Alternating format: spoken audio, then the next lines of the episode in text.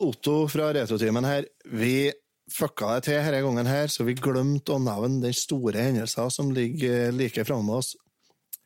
Søndag 6. oktober klokka 13.00, altså klokka ett sharp. Da går vi guttene i Retrotimen på scenen og starter Tiltcast 2.0 på Tilt i Oslo. Ja, det gjør vi, og det følte vi er så viktig å få med i podkasten vår. Og vi var, eh, vi var så eh, gira eh, i den episoden som du skal få høre nå snart, eh, og snakke med, med Ole Martin, eh, at vi glemte rett og slett helt bort å nevne at vi skal på tilkast. Så vi følte at vi måtte lage en liten innslag nå før episoden. Mm. Se på det som bonus. Det er ren bonus. Det er Ren bonus. Får du den flødemyke stemmen til meg, Otto, nå før vi går inn i en episode med, med enda mer fløde. Så jeg gjentar. Søndag 6. oktober klokka 13.00. Kom litt før. Det kan være kø i døra, vet du. Husk på, det her er det, det er ikke hver dag. Det er trøndere på scenen i Oslo. Nei, det er noe med det. Så kom litt før. Kjøp dere en eh, øl eller en uh, kaffe latte, ikke de drikker i Oslo? Jo. De med sånn og få med dere liveshow. Da er det mange timer med liveshow. Ja. Det tror jeg kommer til å bli kjempemorsomt. Og så er det jo på Tilt. Det er jo en uh, arc, barcade, uh, hvor du har uh, flipperspill, arkademaskiner, Shuffleboard. shuffleboard Masse, masse morsomt. Nakenludo. Ja, uh, skal, lommetennis, jeg og. Otto skal spille nakenludo og lommetennis sammen, så det blir jo spennende. Double. Double trouble. Nei, men kom på Tilt i Oslo eh, 6. oktober. Det blir kjempe, kjempeartig. Vi er der alle sammen, alle fire gutta skal sparke i gang. Ja, det skal vi. Og vi blir der hele kvelden. Så Ja, det gjør vi. da er det muligheter for å spandere en øl på oss. Ja, Ja, eller, eh, eller en sjokomelk på en Rasmus. ja fordi han eh, Ja. Det er eh, cover charge på 100 kroner for å komme inn på Tilt. Det er, det er ingenting. Det er bare for å kunne eh, bistå med en liten slant for de som arrangerer showet. Det er billig. Vi tar, uh, vi, det er lov å ta selfies med oss. Vi Ja. tar ikke betalt for selfies. gjør vi ikke. Nei, det gjør vi ikke. Uh, og vi er veldig glad i koser og klemmer og selfies, eh, spesielt. Ja, nå skal vi ikke si alt vi er glad i, for husk på at både Lene og Silje kan høre det. Le Lene? Å ja! Å faen, kona, ja. Ja, nei, bare kom og stå en meter unna og ta bilde uh, unna meg. Mm. Ja, Kos dere med episoden, da. Ja, gjør det.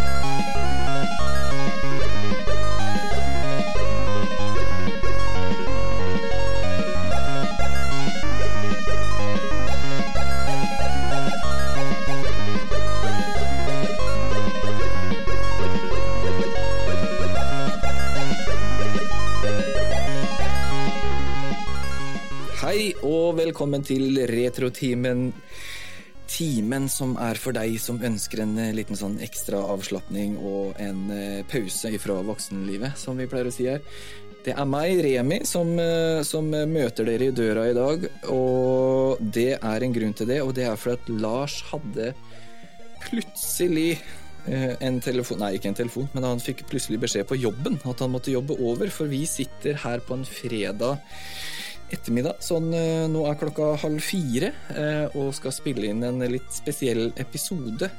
Eh, Jeg har med meg Otto og Rasmus. Si hei, gutter. Hallo. God dag igjen. Hei.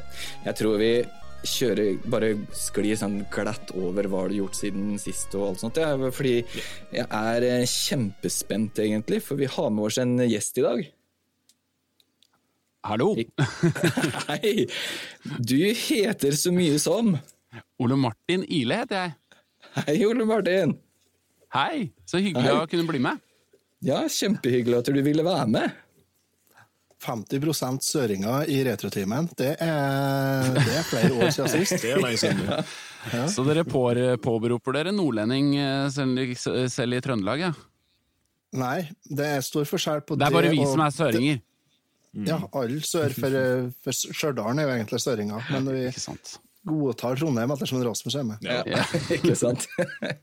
Ole Martin, du er med oss i dag fordi du er en forfatter, rett og slett. Mhm. Og du har skrevet en bok som selvfølgelig vi i Retrotimen stupte over og hadde lyst til å ha en eh, bit av. Eh, en fortelling om å vokse opp på 80-tallet, da He-Man kom til Norge. Ja, den, eh, den har jeg skrevet, det er riktig. Det er jeg Ja. som sitter her, for det, det er ikke en, eh, en som poserer som meg. Nei, nei, så fint. Nei, vi kom jo, vi snubla jo over det her i forbindelse med at uh, du var gjest på Tore Sagen sin podkast. Ja, nettopp, ja. Og den hørte jeg den dagen den kom ut. Så hørte jeg den podkasten på vei til et uh, møte i Tine. Ja, Og så sendte jeg melding til, på chatten vår at uh, der er det en. Han er drømmegjest. Ja. Ja. Kult, herregud, så hyggelig. Ja, Lite visste vel jeg at eh, det var faktisk mulig å få tak i det òg. Men, ja, og lite visste jeg om at det eksisterte en retropodkast der ute. Fordi hadde jeg visst det, så hadde jeg hørt på det Da hadde jeg, da hadde jeg vært fastlytter. Ja. Ja. Men det er jo det er ikke for sent Det er ikke for sent, og alle episodene ligger jo der, så det ser jeg. Ja, ja. Så det, nå skal det lyttes. Vi har Ja. plass, vi. Så deilig. Så deilig. Ja. Nei, så det var jo det var jo der gjennom vi fikk, vi fikk tak i en bakfot, kan du si, og så sendte jo Lars eh, en forespørsel til deg. Og, og da fikk vi jo hver sitt eksemplar av boka. Ja, ja, Det ja, var jo det er helt, klart. eh, helt fantastisk. Så, Kjempehyggelig. og den er jo eh, grundig utlest her nå, og jeg må si at det er utrolig hvor mye jeg kjenner igjen til tross for den store kulturforskjellen man sier da, som det er på å vokse opp eh, sånn som meg, da, som vokste opp på, på Verdalen og Steinkjer på 80-tallet, og til deg som vokste opp på den peneste vestkanten i Oslo. Mm. Det, det er gøy å høre, og jeg har hørt flere si det, som har eh, lest denne boka og vokst opp i helt andre hjørner av landet enn det jeg har. Jeg tror det har noe med å gjøre at Norge er jo i og for seg fortsatt også et ganske sånn et, et, en ganske et enhetlig sted, hvor mye er likt. Altså, hvis du Størsteparten av Norge er middelklasse, og, og, og det er små forskjeller sånn sett. Og har du vokst opp i et borettslag, så er de ganske like, selv om, du, om borettslaget ligger i Verdalen eller i Oslo. Men det er jo selvfølgelig også det at kulturen på 80-tallet var mye mer enhetlig. Både på den måten at det var mye mindre kultur eh, enn det, enn det er nå. Kulturtilbudet var mindre, men også det at alle ble eksponert for omtrent de samme tingene, ikke bare de norske tingene gjennom en, en veldig massiv sånn NRK-påvirkning, men også gjennom at populærkulturen vi fikk fra USA, så ble vi, så ble vi eksponert for omtrent akkurat de samme tingene, altså filmene, dataspillene, musikken osv. Så, videre. så derfor så blir det nok mye mye flere fellesreferanser i en sånn bok fra 80-tallet enn det ville blitt når generasjonen som vokser opp i dag skal skrive en bok om å vokse opp på, på 2019 eller 2000-tallet. da. Mm. Og så kanskje, hvis det har vært en bok som har vært skrevet om å vokse opp på 50-tallet, tror jeg kanskje ikke jeg har blitt det samme heller. Nei, det er, det er godt mulig, altså. da, det er klart Norge var jo et annet sted da, men det du i hvert fall ville mista, er jo den vanvittige sånn brytningstiden Norge var i på 80-tallet, som gjør Norge Altså, Det var på en måte der gamle Norge slutter, og der det nye fremtidens Norge starter, eh, er Ja. min tese, da. Det var jo en Mhm. eksplosiv eh, vekst, både teknologisk og, og alt. Så, så 80-tallet er som du sier, det er eh, helt klart et sånt brytningspunkt. Mm. Norge gikk liksom inn i puberteten i, i 83-84. Absolutt. Den litt eh, uansvarlige puberteten, ja. Hvor, eh, Ja, og så ble det full gass med puling og festing utover, og så gikk det til helvete på, utpå 90-tallet. ja, og så kom man seg, så ble man voksen, og det rista det litt av seg etter hvert. Ja, ikke sant? Altså, nå er vi inn i den alderen at, vi har vorti, at Norge har blitt en sånn, sånn uh, hvit mann på 60 pluss som har oppdaga internett. Og fått brune holdninger, Ja, ja, det, tenker jeg. det er han personen, det er den mannen Norge er blitt, ja. Ja, eh, det er litt sånn, fordi at det har jo Fordi at det skjedde jo en, det skjedde jo en, en revolusjon, rett og slett, både, kultur, både på kultur og underholdning og på, på handel og økonomi. det På så veldig mange eh, punkter på så kort tid på 80-tallet. Men er det politiske strømninger som kan til at det skjedde, eller er det bare noe som var nødt til å komme? Det er jo mange, tror jeg, mange uh, ulike trender og tendenser som kom sammen i, et, sånn, i en, en, felles bølge som brøyt samtidig. Men du kan jo si at det, det politiske som skjedde, var jo at eh, veldig Altså at før 80-tallet så hadde nok Gerhardsen-kulturen og liksom Arbeiderpartiet stått Eller det sto veldig sterkt i Norge, og folk var nok litt mm. mer sånn nøysomme og eh, og, var mer opptatt av den type moralen, at man skulle klare seg på det man hadde, og det var et fellesskap, og man skulle Ja. Eh, nøysomheten sto veldig sterkt. Og når mm. Høyre ideologien får litt mer fotfeste, og det gjør det jo ikke bare i Norge. Dette er jo en høyrebølge som skyller over verden. Eh, fra både eh, fra USA og, England, egentlig, i særdeleshet. Men da mm. ble det en sånn derre Det ble en slags sånn vekkelsesstemning, tror jeg, i næringslivet blant annet. Og blant folk flest òg. Man fikk mer penger mellom hendene. Eh, fordi at en del en del ting ble deregulert. Man kunne låne penger, mm. blant annet. Og det ble, en sånn, det ble moro å bruke penger på en måte som ikke hadde vært lov før. Altså det som tidligere var litt sånn moralske tabuer, å drive og shoppe og, og, og, velte seg litt i, i, luksusgoder og forbruk, det ble plutselig lov, og da, da liksom rullet man seg ekstra rundt i det og koste seg veldig med det. Som gjorde at 80-tallet fikk et litt sånn som du sier, pubertalt uttrykk, da. Mm. Mm. Ja, for vi fikk, jo, vi fikk, jo, plutselig, som du sier, fikk plutselig mye penger mellom hendene, og kjøpekraften økte voldsomt. Mm. Og luksusbehovet kom kanskje til Ola Nordmann på den tida. Mm. Ja, ja, i mye større. Det ble jo plutselig mye flere ting å kjøpe. Så mm. jeg, ikke sant? Det er jo, En stressless var jo en ny ting. ikke sant? Det opplevdes som en, et, en, en luksusgjenstand. Mm. Så, mm. Og vi begynte å reise til Syden, og det var liksom Mm, ja, i hvert fall mye større. Man hadde jo reist til Syden før, men det ble mye mer systematisert. Ja. Så ja. selvfølgelig da gjenskapt i Selskapsreisen-filmene. Kom ikke det? Jeg lurer på om den første kom i 1980 eller noe sånt. Jeg. Det kan stemme, det. Ja, stemme. Som er sånn syden, sydenturismefilm. Men du ser det også liksom med næringslivet. altså at det er jo det er eh, med hele jappetiden at det er akkurat som de folka som eh, Blystadbrødrene og, og, disse selskapene som begynte å, å, spekulere på børsen, som selvfølgelig ble deregulert på den tiden òg, det ble mulig å gjøre, så var det akkurat som de godta seg mye mer over de tingene enn noen ville gjort i dag. Mm. At det ble gjort med en litt sånn fandenivoldskhet og en eh, sånn manglende respekt for gamle tradisjoner og sånn. Så disse fiendtlige oppkjøpene som man hørte så mye om på 80-tallet, det var jo sånn som ikke ble gjort før, fordi det var en slags kutyme i næringslivet. At man ja, så, sånn gjorde man bare ikke.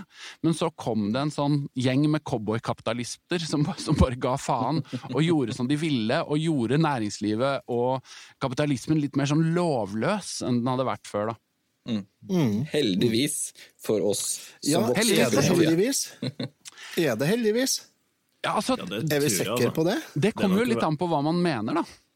Det er mye ja. norske verdier som uh, rett og slett uh, Jeg tror at har, vi har hatt godt av å få en liten smekk bak, altså. Bare å våkne opp litt. Altså, du tar eksempelet eh, i det kapitlet om sport, mm. der du snakker mm. om skiprodusenter. Det syns jeg var mm. særdeles interessant. da. Men det var veldig interessant å høre på en måte eh, skildringa di av motviljen til norske skiprodusenter for å gå over fra tre til glassfiber, f.eks. Og det er jo ja. som du sier i boka, at eh, de har jo ja, gått med. De har jo bokhandler.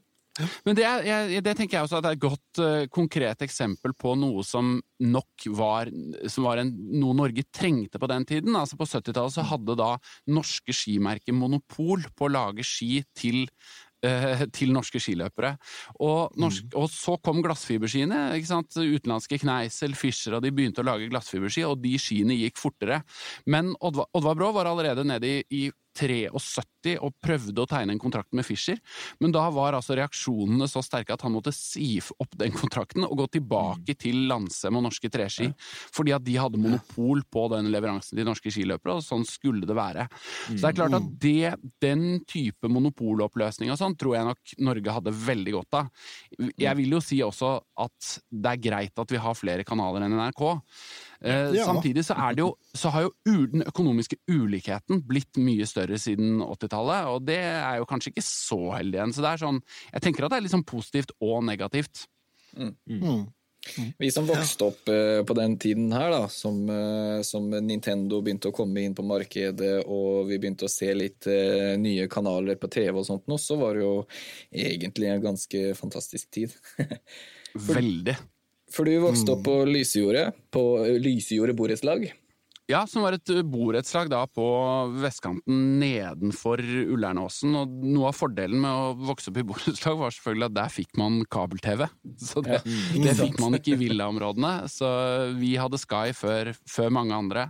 Ja. Eh, og det var jo en, en åpenbaring, altså fra å ha sett på tsjekkiske tegnefilmer på, på NRK og eh, bare pedagogisk og litt sånn eh, tilrettelagt lagt sunn underholdning med en moralsk tanke bak, så var det deilig å, å få inn alle de usunne amerikanske actiontegnefilmene. Eh, ja, det føltes som en sånn en helt ny verden, og at det var veldig gøy å være med på. Jeg husker jo det veldig godt uh, sjøl, og vi snakka litt om det før vi begynte å uh, spille inn her, at uh, jeg vokste opp eh, i et eh, boligfelt hvor eh, kabel-TV var eh, veldig tidlig, tidlig ute. Eh, og den eh, det minnet jeg har ifra når vi fikk eh, kabelet inn og vi kunne slå på TV-en og hadde over 20 kanaler, det var helt, det var helt sinnssykt. Og det var i 5, 6, 7, 80. Eh, og Sky Channel, da, med alle med Transformers og He-Man og Biker Mice from Mars og alt det her, her det var helt uh, fantastisk. Ja, for det det, det, er, det er et ganske stort sprang ifra uh, Du må huske på at på barne-TV på NRK, det var jo altså høytlesning. Ja. I barne-TV var jo helt OK. Det var det var helt super barne-TV på NRK. Det er ganske langt sprang fra det og til, til Transformers-tegnefilm. Ja, det Det var sant. veldig mye høytlesning. Det var jo både Finn Carling og så var det God bok med Øyvind Blunk, Ja. husker jeg. Som var, da ble, Riktignok så ble det vist bilder på God bok med Øyvind Blunk, men Finn Carling Ja. var jo helt bildløs, så da var det tanken at man da skulle altså inspirere barn til å bruke fantasien sin også når de så på TV, da.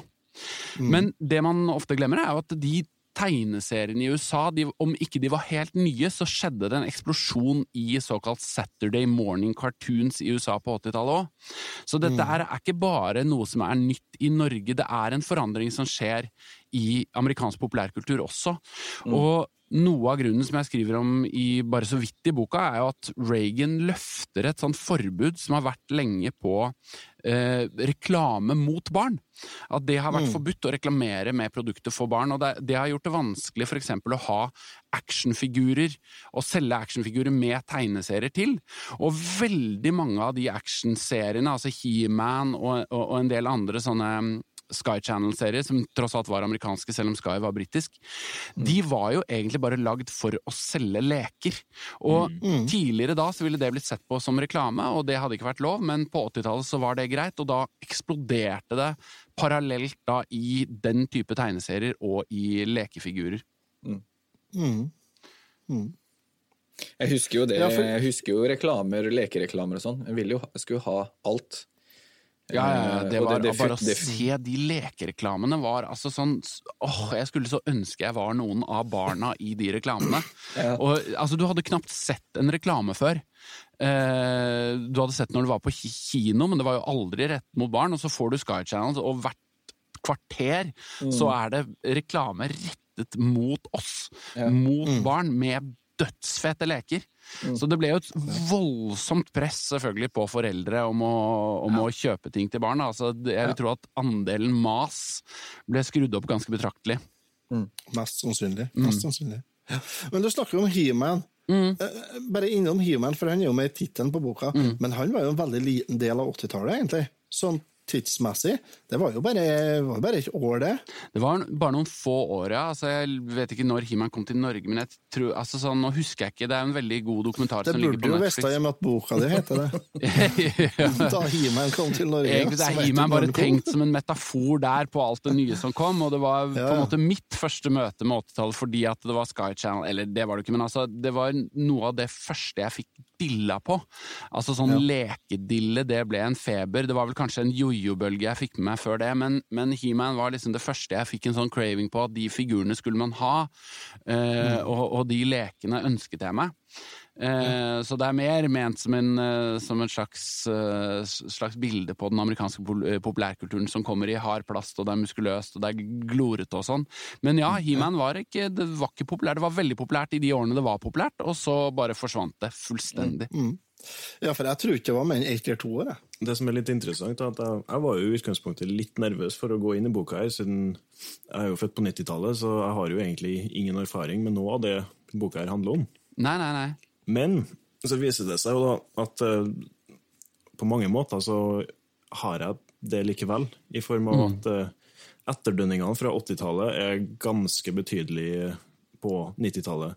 Et interessant eksempel der er det at He-Man ikke er det, da. Sånn He-Man døde jo. Det, Ja. Jeg har jo ikke skjedd noe He-Man eller noen ting. Jeg har ikke peiling hva det handler om, egentlig. Men Nei. jeg har jo vokst opp i et sånn eh, For 90-tallsforeldre å være, så tror jeg det var et rimelig konservativt hjem her. Så mm. dere hadde nok bedre TV-tilbud dere enn det jeg hadde tilgang på. Ja, jeg tenker at 90-tallet er jo egentlig det siste tiåret med en sånn veldig tydelig identitet. Altså, det, det, hvor du veldig tydelig kan pinpointe mote, musikk, leker. Etter det så flyter alt mye mer i hverandre. Eh, altså sånn, jeg vet ikke Nå kan jo selvfølgelig det være en effekt at jeg blir eldre også. At jeg 90-tallet var jo Altså, jeg var ungdom på 90-tallet, så lekegreiene forsvant litt for meg, men all populærkulturen var jo veldig Altså, jeg kunne like gjerne skrevet en bok om 90-tallet òg. Og det er interessant med sånn når et tiår slutter og et, et annet begynner, fordi på en måte så kan du si at med 80-tallet at 80-tallet begynner ikke før 84. Før det så er 80-tallet et slags fancy 70-tall, føler jeg. Det er, eh, det er, er 70-tallet med smoking på. Men det er 84, da ser du veldig tydelig på filmene. Da kommer Beverly Hills Cop og alt, alle de fargene som man forbinder med 80-tallet. Mens 90-tallet føler jeg 80-tallet varer på en måte strekker seg en god del ut i 90-tallet. Med at du har den Selv om grunchen kommer i 91, så varer liksom dette hårmetallbølgen litt lenger enn det. Og moten med boyband og sånn er jo egentlig bare en sånn forlengelse av eh, de bandene altså New Kids on the Block kom jo til og med på 80-tallet. Det er en forlengelse av 80-tallsestetikken i veldig stor grad. Før 90-tallet på en måte finner seg sjæl og blir litt annerledes igjen. da. Jeg føler også det var på en måte litt mer raffinert, på en måte. Altså, Ta det eksempelet ditt med at uh, He-Man og sånn er det tegneserier som er laga for ei leke. Det er litt mer sånn kynisk uh, tilnærming enn eh, mye av det vi fikk på uh, 90-tallet. da. Ta Bionicle, for eksempel, som er en Lego-leketøysak. Som er ganske smart skrudd sammen for å være sånne ting som unger vil ha mer og mer av. Seks forskjellige typer som kommer i nye generasjoner. Plutselig har du tolv stykker til, osv. Men eh, der òg ble det jo laga tegneserier, men det var litt mer sånn mindre kynisk måte å gjøre det på likevel. Selv om det åpenbart er for å tjene penger. Jeg tror på en måte at den underholdningen som var for barn på 80-tallet, altså de tegneseriene som gikk på Sky Channel eksempel, du vil aldri kunne vise dem til barn i dag, og de, det tror jeg ikke de vil godta. På en måte så godtok vi det fordi at det var så skilte seg så innmari fra det vi var vant til på NRK og det som kom forut. Så barn i dag vil nok Jeg tror, tror underholdning på 80-tallet aldri har vært på dårligere. Det som ble, ble lagd for barn på den tiden, var tross alt jævlig dårlige greier. He-Man er helt elendig når du ser det. Men fordi det var så nytt, så, så spiste vi det med hud og hår, da. Ja, det var, eh, det var et helt annet tilbud òg, kan du si, enn det det var eh, fra før.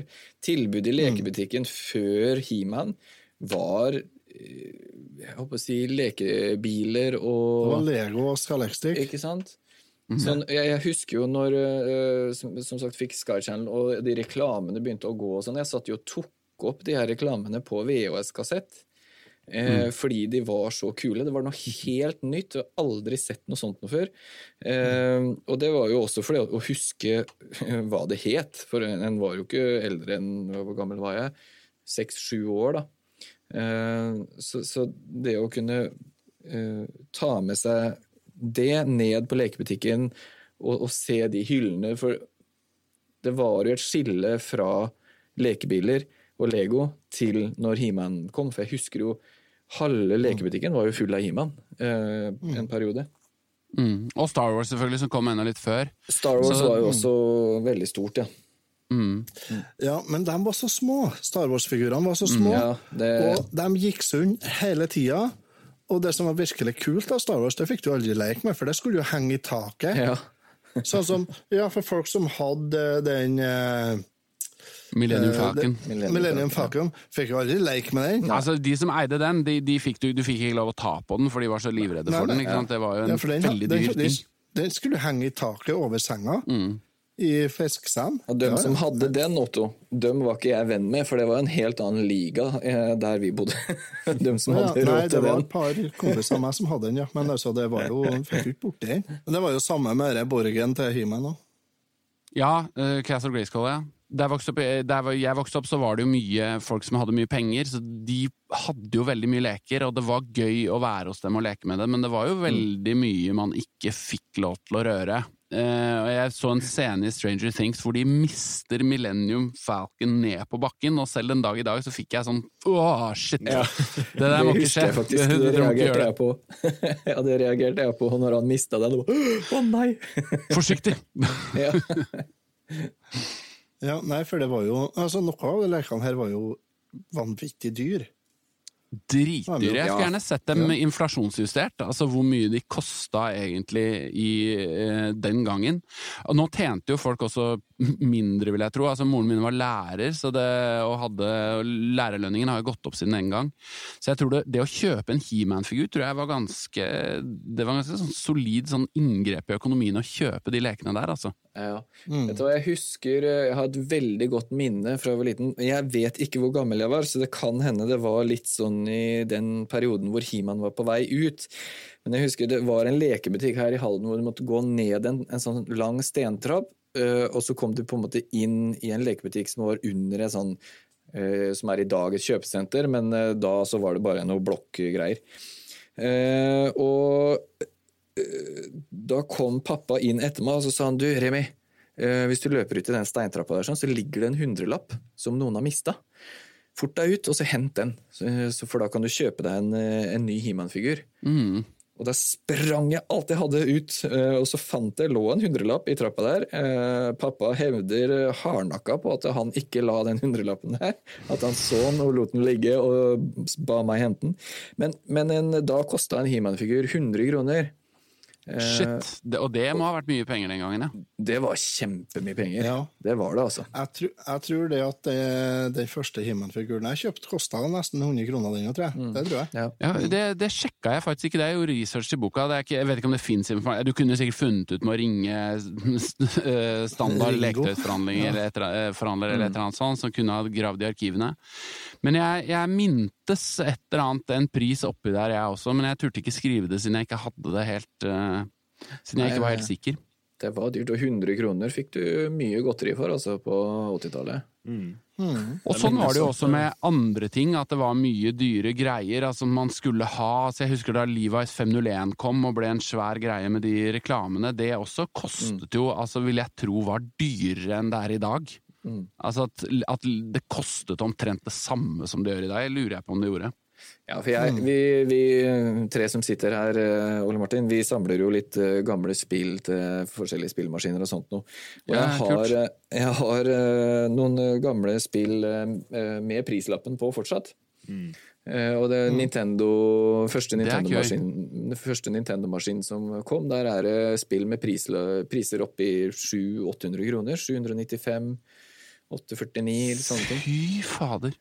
Så hvis du tar Det er på jo pris vanvittig dyrt, og det er til NES, den som kom i 86. NES-computeren. Stemmer. Så hvis du tar det på Jeg har tatt den prisen på sånn prisjustering, eller sånn indeks, prisindeksjustering, og da havner de eh, på en 1200-1300 kroner i dag. Yes. Og det, Ja, tenk deg det er mye spenn. det er mye penger. Det er ingen som går og kjøper spill for 1300 kroner i dag. Samme prinsippet på Nintendo med det at- 64 også. Eh, Senere spillkassetter som kom ut, tar jo på samme måte som den originale Nintendoen har flere eh, komponenter i seg for å på en måte eh, dra litt ekstra hestekrefter ut av maskinen. Da. Og da blir det jo dyrt, så noen av dem, f.eks. for eksempel Conquer's Bad Fur Day, som er et ganske sent, eh, en sein slipp på den maskinen, den tror jeg kosta rundt eh, 1200 kroner når det kom og var nytt. Ja. Det er mye, altså. 1000 er kroner for bare ett spill. Koster jo ikke, det koster jo bare dobbelt til nå i dag. Ja. Hører du jo. men men så, du, med, det er en ting du kan si. Du kan, du kan si hvis du justerer opp prisen til å bli 2019-kroner, det er en ting. Men så må vi ta, i tillegg så må vi legge til det at kjøpekrafta til nordmenn har jo kanskje tre- eller firedobla seg. Helt klart. I er forhold akkurat til det. da, ikke Ja, sant? det er akkurat det. Så det blir jo det egentlig bare enda verre. Ja, fordi at på den tida så var, gikk jo ikke sant, 35% av inntekta gikk jo til å kjøpe mat. Mm. Og nå er det under 10 og, tror jeg. Ja, og, og over, over, eh, over 50% av inntekta gikk jo til hus og hjem. Mm. Og så, så du hadde ikke så mye sånn fuck you-penger igjen. Men, det, men i dag er det jo ikke sånn. I dag er det jo ja, det som sier under 10% går til mat, og kanskje ja, 30-40% går til hus og hjem, alt etter hvor dyrt du bor, selvfølgelig. Så, så at det, det er Kjøpekrafta vår er en helt annen. En mye høyere prosentandel av, brutto, eh, av nettolønn går til direkte kjøpekraft enn hva den gjorde på 80-tallet, eller mm. enda mer lenger tilbake. Da. Og i sammenheng med Ja, det du ja, sier vi der, har så mye mer penger å, å mm, Ja, men i sammenheng med det du sier der, Otto, så Og jeg, synes jeg, jeg husker jo Har jeg, har jeg datt ut nå, eller? Nei Nei, da drømmer Rasmus det- dere med begge to. Nei, det jeg skulle si var bare det at eh, Apropos det der, så syns jeg var et av de mest interessante aspektene med boka var eh, måten du skildra, eller ja, rett og slett hvordan det var da, i foreldregenerasjonen, og hvordan forskjellige familier valgte å håndtere det problemet. da. Der barna hadde lyst på alt mulig rart. Skal de få det, eller skal de ikke få det? Og det er så Og det, morsomt. ja, og det handler jo Ja, Fortsett. nei, Bare fortsett, du. Bare fortsett, du. Olav. Nei, jeg tenker at det handlet litt om foreldrenes økonom økonomiske situasjon også. Som du sier, så var det altså at kjøpekraften var lavere, og mer av de pengene man hadde gikk til husholdning. Og, så det var mindre igjen til å bruke til, ja, til barn og fritid og, og, og andre liksom, luksusprodukter. Så jeg husker eksempel at moren min var måtte spare. Hun sparte jo i et år hvis vi skulle til Syden, da. Som vi gjorde, dro til Kanariøyene eller et eller annet sånt. Det var en svær greie. Og selvfølgelig leker og alle sånne ting, så var hun oppå toppen av det hele, så var jo mine foreldre litt sånn radikale, så da ble det en mer Da så de på disse lekene som sånn amerikansk kulturimperialisme, så de ble, var mer skeptiske til det av den grunn også. Men samtidig så bodde jeg et sted hvor som skilte seg fra mange andre steder i Norge på den måten at det ikke bare var middelklasse der. Altså det var middelklasse, eh, og så var det mye mm, rike mennesker som bodde oppover i liksom Ullernåsen og Ull- Ullerntoppen, og da så man jo disse klasseforskjellene veldig tydelig på barna, at noen barn hadde veldig mye mer leker, fordi at foreldrene hadde da kanskje den samme kjøpekraften som foreldre, vanlige foreldre har i dag. Så barn fikk omtrent sånn jeg opplevde det, det de ville, mens jeg ble mye mer eh, Altså fikk mye mindre, da. Vi var- Jeg vokste opp med to eldre brødre og helt vanlig inntekt som var på den tiden som foreldre hadde, foreldrene mine hadde. Men jeg hadde en kamerat hvor eh, hans far jobba i, eh, i Nordsjøen. Og han husker jeg fikk eh, Snake Mountain. Ja. Og det var jeg så sinnssykt eh, misunnelig på. Snake Mountain. Det er slottet til Skeletor. eh, Ikke sant. sant. Det er for, det, for deg som er vokst opp på 90-tallet. Ja. Det kan sammenlignes med der hvor Hvem var het han onde i Ninja Turtles? Det, Eh, Shredder. Vel, Shredder. ja. Borgen til Shredder, hvis han hadde en borg, da. Ja, han hadde sånn romskipting som drev og surra rundt i en tunnel. Stemmer det. Ja. Ja, nei, det har skjedd, det har skjedd veldig store ting. Men jeg vil litt tilbake til det med Akkurat det der med at, at det er så høy gjenkjennelsesfaktor i boka di, er kanskje det som som fengsla meg mest, fordi at det var sånn Jeg begynte å lese og tenkte ja, ok, her har vi en, han er født i, det er født i 76, er det? 77. Mm. 77, ja. Du er året gamlere enn meg, da. du. Og, og da har vi noe samme sånn tidsmessig har vi noe samme, samme og, og, og referansene. Men så var det at oi, men du er jo oppvokst på Ulle eh, i Oslo, på vestkanten i Oslo, og eh, relativt velstående strøk. Jeg vokste opp eh, dels på Verdalen og dels på Steinkjer med skilte foreldre. og ikke så veldig mye kjøpekraft og sånn. Men eh, vi hadde jo vi, hadde, vi fikk det, det vi ville, det gjorde vi ikke. Men vi fikk ikke det vi ville, men vi fikk det vi trengte, og vel så det. Og det var bare at jeg, jeg kjente meg så veldig igjen på mange ting, og nei, det var Jeg må si det er imponerende hvor, hvor mye felles referansepunkt vi har. Det var spesielt én ting. Spesielt én ting du skrev, Ole Martin. Du skrev eh, at far din klippa ut eh, sånne He-Man-pappfigurer. Ja. Og det Der kjente jeg igjen eh, meg og min familie og sånt, fordi uh, det, det var veldig mye jeg hadde lyst på, men med to eldre brødre og sånn, så fikk jeg absolutt ikke alt jeg peka på. uh, langt derifra.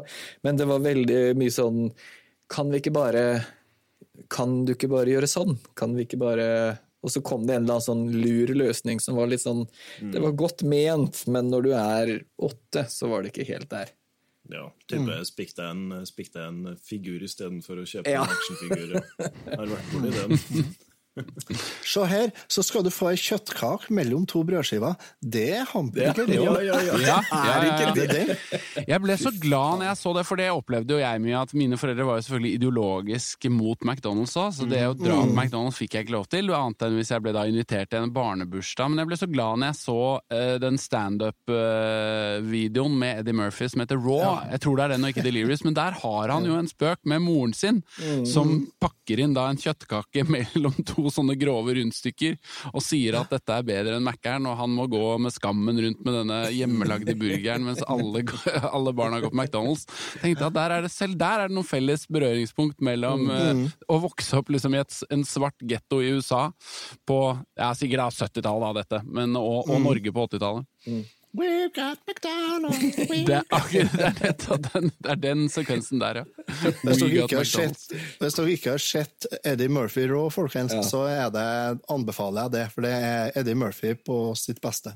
Ja, vanvittig bra. Det, og, og det er jo interessant at Eddie Murphy var så Hvis du ser filmene, så er, er de så mye mindre drøye. Altså, Eddie Murphy var jo så drøy. Men det at han valgte å tone ned det litt, gjorde nok også at han fikk mye større filmsuksess enn ja, klart. for forgjengeren eh, eh, Richard Pryor fikk. da. Absolutt, absolutt. Mm. Ja, Der er du inne på to av de store, to som forholdsvis store da, eh, skuespillere fra 80-tallet, som helt er borte nå. Ja, Richard Pryor har jo grunn til det, for han er jo død. Han er dau, ja. Men Eddie Murphy lever vel ennå? Eddie Murphy lever, og han eh, gjør en liten eh, cameo på den der Comedians Getting Coffee in Cars med Ja, Seinfeld, og det er stusslig, altså. Og nå kommer han da tilbake med et standup-show, det har jeg liten tro på, og også med uh, Coming to America, eh, altså oppfølgeren der, da. Så han planlegger et lite comeback nå, han. Kult. Men han var jo en av mange som Veldig mange av de som var store på 80-tallet, enten det var komikere eller skuespillere, de forduftet jo på 90-tallet. Om Ja. musikkband og alt mulig sånn også. Eddie Ja, var det dop, eller var det noe annet, tror jeg? Nei, altså Min uh, hunch der er at veldig mye av 80-tallet 80-tallet var så ekstremt på så mange måter, og både i ute, sånn estetisk uttrykk og litt ideologisk også. Så da 90-tallet kom, så var jo veldig mye både musikken, filmene eh, og moten også var en litt sånn motreaksjon på 80-tallet. Så jeg tror at veldig mange av det som ble assosiert for sterkt med det tiåret, fordi man så på det så på 80-tallet som litt sånn jappetid og overflate og show og lite substans, så ville ikke folk bruke de skuespillerne, bandene som kom fra 80-tallet. De ble uhippe fort eh, og upopulære, mens, mens, det litt mer sånn jordnære og røffe tok over. Mm. Eh, og det samme skjedde vel en, til en viss grad med komikere òg, da. Ja, Men noen av dem greide seg å tenke på skuespillere. Altså, mm. Det er så rart, for noen av dem greide seg. Mel Gibson ble jo med videre. Mm. Til tross for eh, en del eh, Han har vel noe backlash med kjerringbanking og drikking og sånt, han òg. Bruce Willis ble jo med inn i 90-tallet og har jo holdt seg videre, han òg. Så noen greide jo. Bruce Willis eh, klarte seg. Bruce Willis kom jo også ganske seint inn på 80-tallet. Ja, uh, og på en måte så er jo han interessant. Altså, han startet jo med den serien som het Bøllen og blondinnen, som vel gikk på, på NRK. Mm. Eh, eller på en eller annen kanal, i hvert fall, men vi så den på norsk TV. Og så var han med i én film som het Blind Date, som er en ganske dårlig komedie. Eh, og så kommer Die Hard, og da definerer jo han en litt sånn ny type actionhelt. ikke sant? En mm. litt sånn motsats til det overmuskuløse som er eh, mm. Sylvester Stallone og, og Arno Schwarzenegger. Så ja, Jeg vet ikke om jeg er helt enig. Nei, nei, fortell. Nick Nolte har vel allerede skapt den figuren, hadde han ikke det? Absolutt. Du kan si Harrison Ford også hadde gjort det med Indiana Jones. Altså, den ja. fantes. Men, Men jeg tenker på den Die Hard-figuren. Den fulle, mm. den, den alkoholiserte, utslitte politimannen. Mm. Eh, der har du jo allerede i den 48 eh, timer. 48 timer, ja, og så, og så Men han er vel ikke så actionhelt, Nick Nolte, i den altså Hvis du ser 48 timer og sammenligner den med Die Hard, så er Nick Nolte mer, det er nesten mer en realistisk karakter. Altså sånn, Han dreper jo ikke og banker opp så mange. Det er en mer um, det er en litt annen type film, sånn sett. Det er vel i så fall Eddie Murphy som er liksom stjernen på den måten. Men eh, nei, jeg bare tenker at Nick Nolte er, er, er en litt annen type karakter i den filmen. Ikke så rendyrket mm. actionhelt. Bruce Willis tar over superkreftene til, eh, til Arnold og Sylvester Stallone i en litt sånn forfylla politimanndrakt. Men det fantes mange av dem på 80-tallet òg. Jeg er mm. enig i det. Det som kanskje skjer mer sånn Du kan si at Men det er litt sånn ja, Will Smith også er vel mer en sånn ny actionhelt som kommer inn på 90-tallet, og Keanu Reeves, kanskje, som representerer en litt sånn ny mm. breed av actionhelter. da. Mm. Men selvfølgelig her er det flytende overganger, og du kan alltid spore eh, røttene til eh, den ene eller den andre tilbake flere, flere år, så klart. Mm. Mm. Det er spent på å se om uh, en av de gamle traverne fremdeles har det i seg. Det er jo premiere i dag på nye Rambo-filmen. Rambo Last Blood. Ja, herregud. Der har jeg så lite trua. Ja, nei, det tror jeg ikke er så veldig bra. Men det er jo interessant altså, sånn der å se særlig kanskje Sylvester Stallone-karakterene, hvordan de har forandret seg fra tiår til tiår. For du ser at Hvis du ser den første Rambo-filmen, så er jo det nesten en film som har like mye til felles med 70-tallsfilmer som Hjortejegeren. Den er ikke sånn veldig utpreget 80-tallsk. Men når du kommer til Rambo 2 så er det ikke noe tvil om at det er 80-tallet vi befinner oss i. Mm. Og det samme med Rocky. altså Rocky har jo også en sånn veldig forvandling fra å være en sånn enkel arbeiderklassetype til å bli en sånn supermuskuløs uh, verdensmester som er vellykket. Altså Han er på en måte ikke underdoggen på den måten han var i den første filmen. Hvordan var uh, film, film for deg når du vokste opp, Ole Martin? Var, var det Eh, jeg vokste jo opp med en kompis hvor hans mor eide en eh, videosjappe, så jeg Herregud. Hadde jo det som plomma i egget, sånn sett. Ja, det var uh... Nei, altså Film for meg betydde enormt mye på, på 80-tallet, som det vel gjorde for veldig mange andre. Altså Det at videoen kom, og det var mulighet til å, å, leie video og se ting hjemme, og se ting mange ganger, ikke minst, var jo veldig mm. gøy. Men jeg føler også at kino, altså det å dra på kino var en begivenhet som jeg tror unger i dag ikke kan oppleve på samme måte, fordi at alt er tilgjengelig hele tiden. Mm. Jeg merker jo bare mm. det at streamingtjenester har gjort at det å se film er ikke lenger noe jeg ser fram til på samme måten som jeg gjorde før.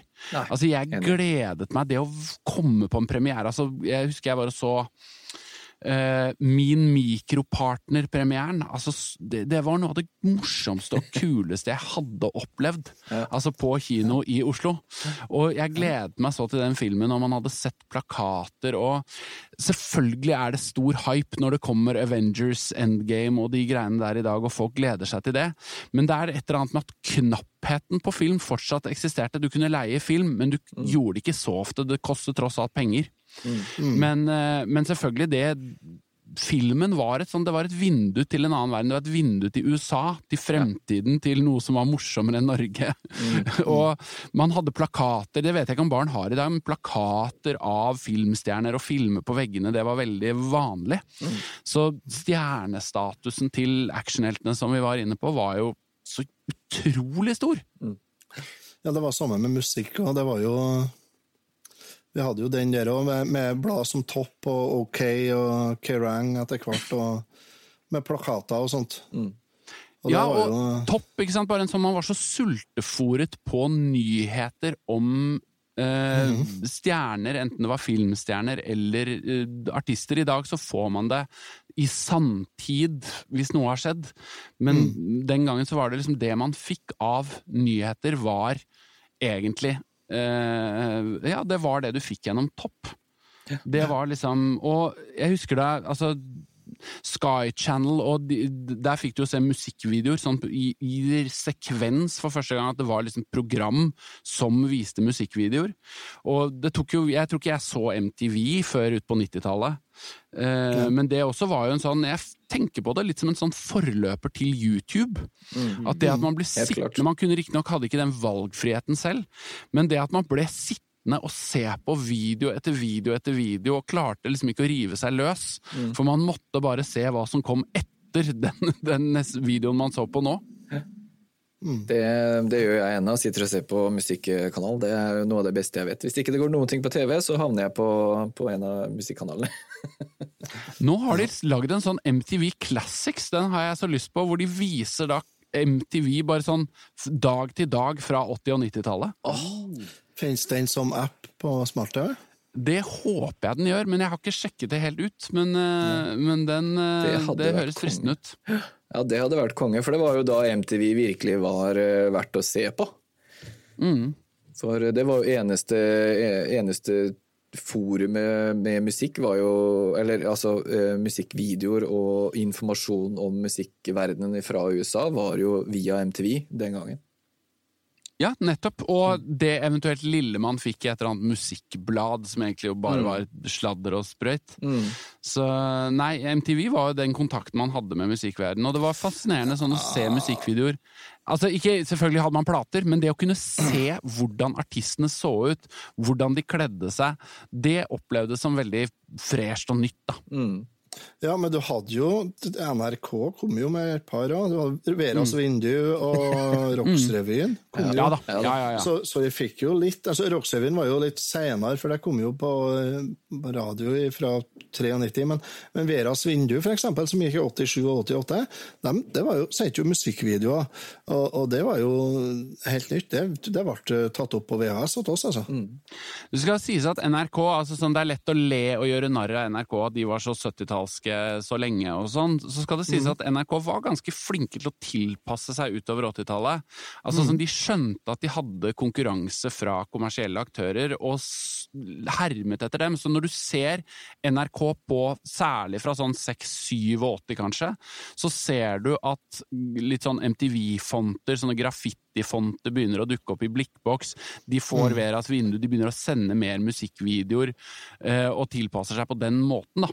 Så, og de begynte å sende litt De sendte jo Alf, blant annet, etter hvert. Så de sendte litt sånne amerikanske serier også. Så det var, ikke, det var ikke helt håpløst.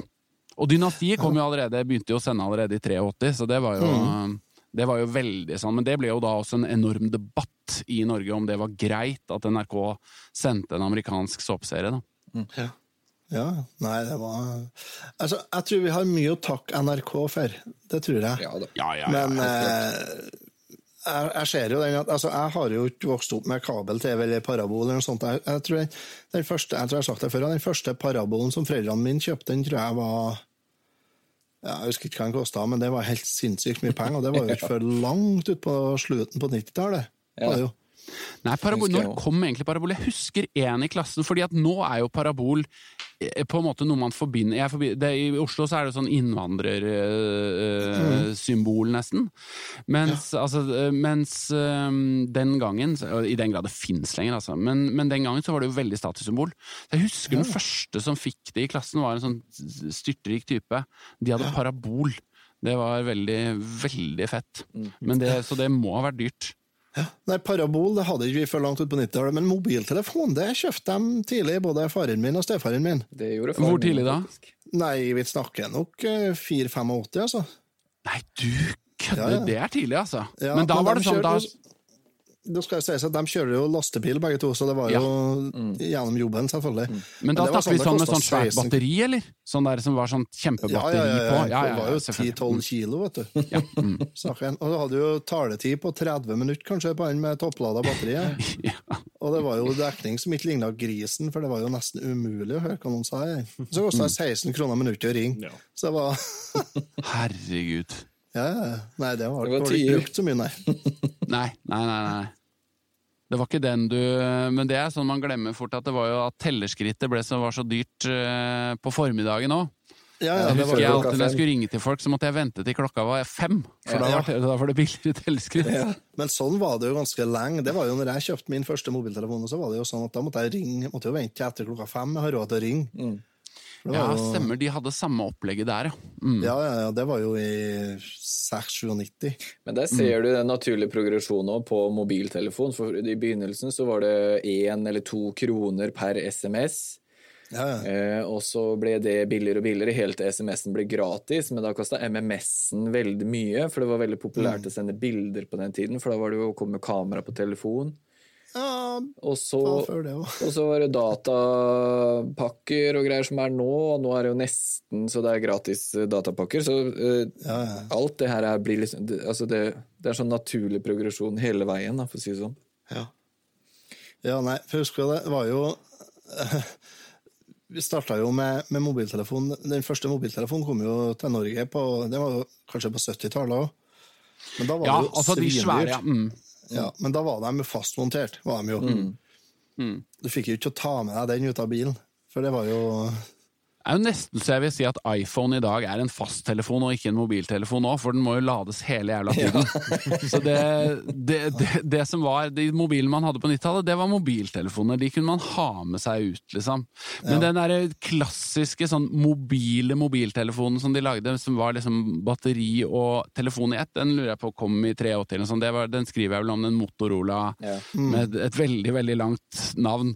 Og der var det også sånn, der var det taletid på Tok 30 timer å la, den opp, og taletid på, på 30 minutter eller noe sånt. Du kunne lagre ti, ti, ti nummer eller et eller annet sånt. Ja.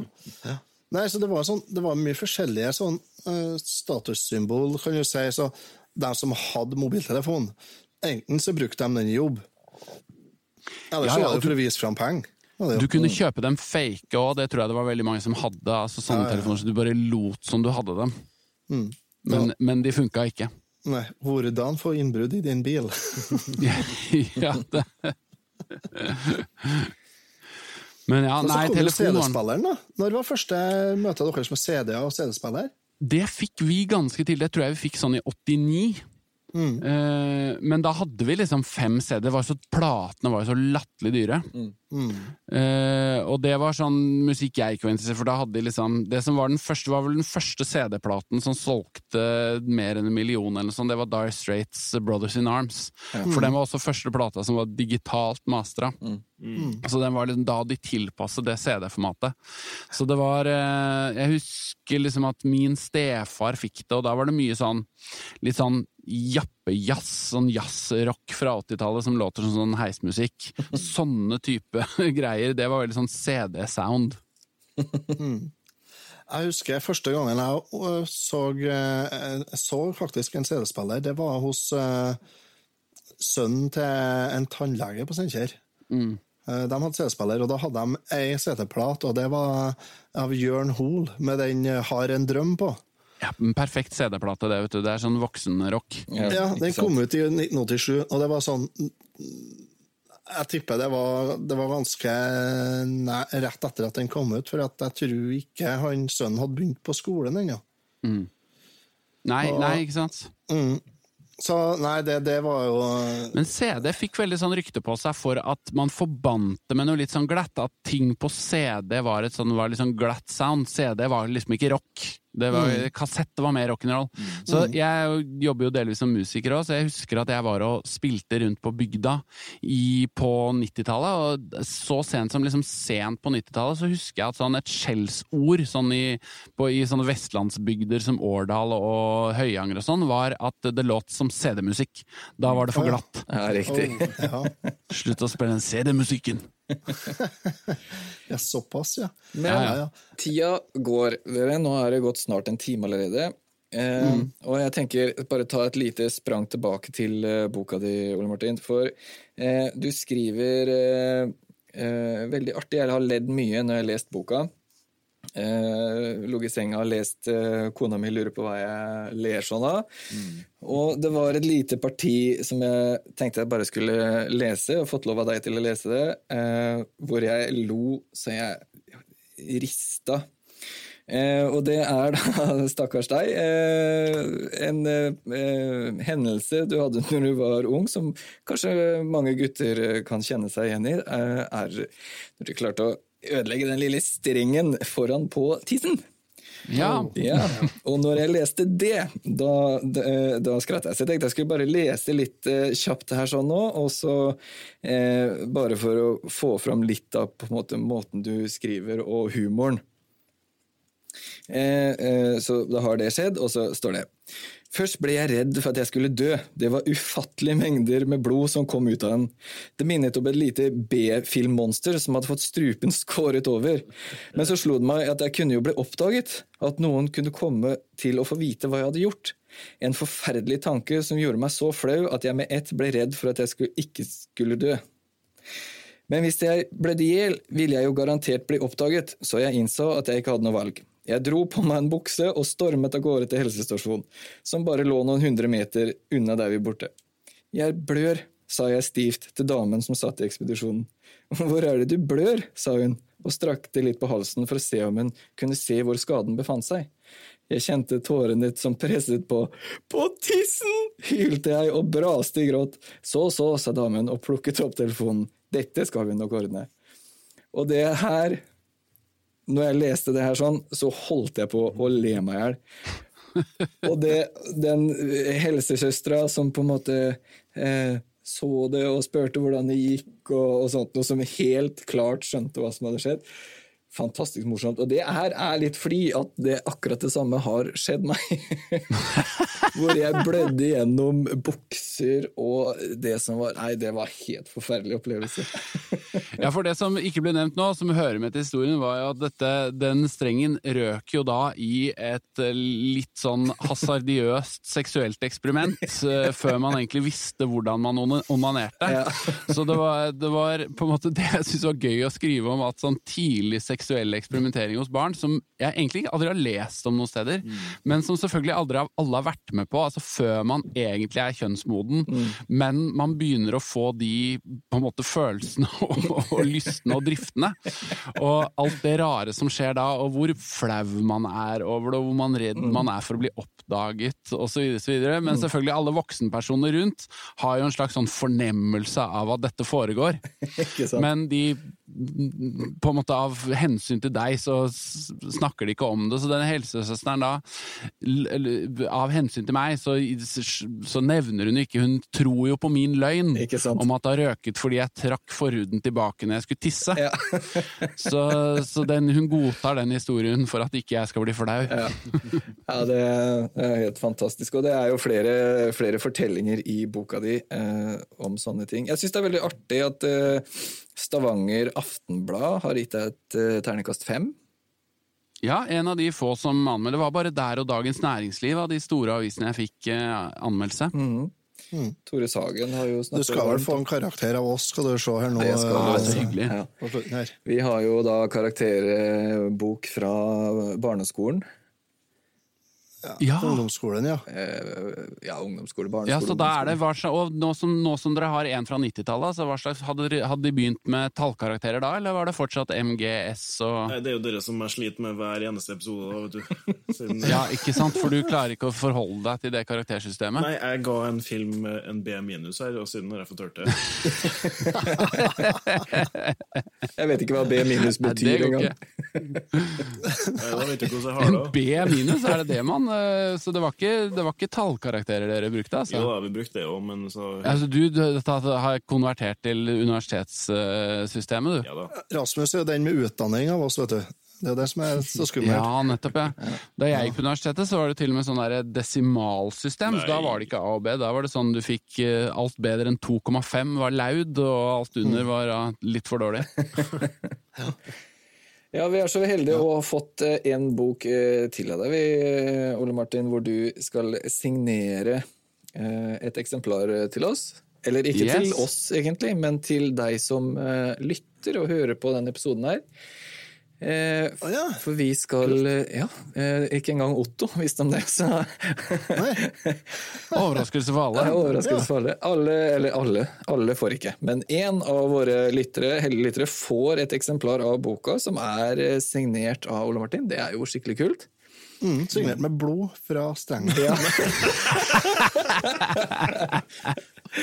Vil du gjøre det for oss? Vi har jo på opptak her at Ja, du det gjøre kan jeg gjøre for dere. Fantastisk. Vet du hva, Ole Martin, jeg tror vi skal runde av. Klokka går, og vi må bare takke deg så mye for at du ville stille opp og, og være med på en episode. Bare hyggelig. Helt fantastisk.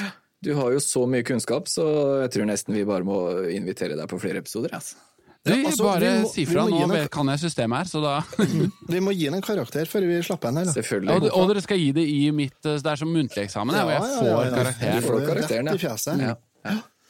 Ja, nei, jeg kan gå og starte. Uh, vet du, uh, boka veldig høy gjenkjennelsesfaktor. Uh, litt trekk for å ikke nevne en del eh, ting som jeg mener at absolutt burde være med, sånn som vi snakka om før opptaket. Du nevner ikke eh, hjemmebrentproduksjon. Ja, men jeg var jo 13 år da, da, da tiåret slutta. Ja, ja, men, eh, men eh, det, det vokser, vokser vi opp med, vi andre. At det, ble, at det var, sto en sånn dunk som lukta hissig på, på varmekablene på badet eller i vaskerommet. Det, det var helt vanlig. Så det er det selvfølgelig trekk for å ikke nevne hjemmebrentproduksjon. Lite om hjemmelaga vin. Ja, det har jeg heller ikke noe forhold til, nei. Nei, ikke sant? Så, så det er litt sånn eh, Det viser seg jo at du er ikke, du er ikke så blant gutta som du, som du tenkte. Nei, det blir for mye Oslo vest. Ja, det blir litt for vestkant. Nei da, det blir ikke det. Men eh, som sagt, det, det er to trekk, så L havner på en eh, meget pluss. Åh, herlig. Ja, men det er, det er en karakter jeg alltid var svært fornøyd med. Ja, ja. Ja, det De få gangene jeg fikk det. Meget pluss er bra. Jeg som eh, har Det er B minus. Ja da. eh, Nei, vi får se. Jeg må klare å holde meg på skalaen vår i dag. Eh, Som et barn av 90-tallet så må jeg jo si at eh, jeg var litt nervøs. Siden for hver eneste side jeg leser boka, her, så er det i hvert fall fem ord og uttrykk og referanser som jeg rett og slett ikke har noen knagger å henge på. Så det har vært litt vanskelig, men takket være et særdeles godt språk og en eh, fin måte å formulere deg på, så syns jeg at boka der fungerte veldig bra for min del også. Det er rett og slett eh, ganske bra skryt, syns jeg. Så jeg vil anbefale Ja, det- der for eh, alle som har vokst opp på 90-tallet også. Um, eh, ekstra shout-out skal du få for formuleringa di, og for eksempel i det Jeg jeg holdt på å dø når jeg leste Du prøvde å på en måte skildre eh, den foreldregenerasjonen og de foreldrene som var veldig sparsommelige. da. Og jeg vet ikke hvem det var. Var det, var det var nok faren og stemoren min, tror Ja, jeg. som er de stemora di, ja. som- Når hun Ja, skulle hun lære deg å brette dopapiret på en spesiell Mm. måte, og du formulerer det som at hun skulle vise frem en slags kommunistisk origami av dopapiret. Stemmer. Ah, det, mm, det er fint formulert, altså. Da lo jeg godt. Eh, og så har jeg et spørsmål jeg har lyst til å skyte inn til deg. Um, du er nødt til å sende meg ei PM etterpå, privatmelding, der du sender meg adressa til han Darius, siden han må få fem flate rett over fjeset. Ja, han er jo skurken i boka, ja. Ja. Å, herregud. Jeg vet, jeg vet, jeg kjenner typen. Men det har gått veldig, for, det har gått veldig dårlig med Darius. Det det, Så han, det, det er på en måte en slags poetisk eh, justice der. Han var jo en mobber, og jeg tenker kanskje at han var en psykopat, men han har det gått dårlig med. Han har hatt slag og masse greier. Mye dop og mye Ja, gikk ikke så bra, tror jeg. Ja, det var litt trist å høre, da. Nå Ja, men du- han lever, så da, da føler jeg at det er mer enn hevn. Ok. OK, så jeg kan fremdeles gå og smekke den, da. Ja, det, det er greit. Okay. jeg tuller. jeg tuller. Um, nei, da tror jeg jeg hopper rett til karakteren. da. Det blir en B minus. Jeg mener en G pluss. G pluss D, men det syns jeg er st- strålende fra en som tross alt har vokst opp på 90-tallet. For det er jo en bok som, som, 80-tall, som nok 80-tallsgenerasjonen får mest ut av, ja.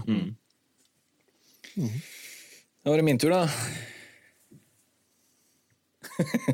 Eh, jeg jeg storkosa meg med boka. Veldig lettlest. Eh, Pløya gjennom en relativt eh, raskt, egentlig. Eh, tok litt tid, eh, sånn, noen pauser innimellom litt sånn for å fordøye. Jeg har jo eh, masse lapper og sånt noe som jeg har eh, Oh, så skolelyset, da. Eh, Ja, så jeg har virkelig gjort det hjemmeleksa mi. Eh, Kosa meg kjempemasse med boka. Humoren treffer meg rett i hjertet, og mm, kan ikke annet enn å anbefale alle å løpe og kjøpe den boka her sånn, og lese den, for det er utrolig, utrolig artig, fin bok å lese. Og som Otto sier, du, du kjenner deg igjen. Uh, og det er uh, det er halve gleden med å lese boka, er at man, man kjenner igjen så mye, og så får man så mye minner som man kanskje også har glemt bort. eh, For det er så mye referanser. Så karakteren min meget pluss. Kjempefornøyd. Åh, herregud. Jeg er strålende fornøyd. Ja, så bra. Det, det er vi Dette ser pent ut på karakterkortet. Ja. Ja, men så vi må jo bare altså, eh, Lars kommer sikkert til å gi en S, så da, da er vi på en eh, meget meget pluss totalt. Da kan du jo bare klistre på det på forsida på neste opplag. Ja. Ja, hvis, jeg, hvis det blir et opptak til, så skal dette bl pluss ja. meget pluss fra Retrotimen. Ja. Det er, ja, men det skal jeg ikke, det, eh, hvis jeg får lov til det, skal jeg gjøre det hvis det blir et opplag, opplag til. Da. Ja, du kan sitte B minus fra meg. I parentes. Ja, det hadde vært Ja. fantastisk. Så oppfordringa vår er som Remi sier, ta spring og kjøp ei boka, for den her er absolutt verdt å ha i bokhylla, altså, og den er veldig verdt å lese. Mm, helt så pell dere ut og handle, gutta. På. Ja. Yes. Kan kjøpe en på internett så du bør ikke ut døra engang. Det er ofte lettest, og hvis man sender meg en PM på Facebook, så kan jeg sende et eh, signert eksemplar òg. Oi! Tøft. Har du Altså, så kjøpe av meg. Ja, kjøp. Nei, altså, jeg kjøper Nei, jeg kjøper av forlaget, og så uh, kjøper man av meg videre. Så jeg må, Ja, sånn er det å være forfatter. Jeg får ikke jeg får, Man får 25 bøker, Å, og så må man kjøpe resten. Jeg trodde du hadde en palle stående i garasjen eller noe sånt. Da. Nei, dessverre. Skulle gjerne hatt det, men det, nei da, forlaget er ikke noe De gir ikke bort masse bøker til forfatteren, nei. Nei, så er det bare drit i å skrive bøker, da. Du blir ikke rik av å skrive bøker, det, med mindre du får en bestselger, da. Ja, det klart. Helt på tampen her så har en av våre patrions uh, linka til et bilde fra VG, der de anmelder den nyeste Rambo-filmen. Rambo Last Blood. Møl i blåpøl. Terningkast én. Og det har jeg slutta å høre på for eh, 25 Ja. år siden. Jeg er enig. Ja, Jeg tror vi bare runder av, dere, og så sier vi tusen hjertelig takk en gang til. Og så, som Ja, vi, tusen takk. Ja, tusen takk. sier i Retrotimen, så sier vi vi hørs, vi. Yes. Vi hørs. Veldig Vi hyggelig hørs. å få være med. Kjempetrivelig. Ha det. Ha det bra. Ha det!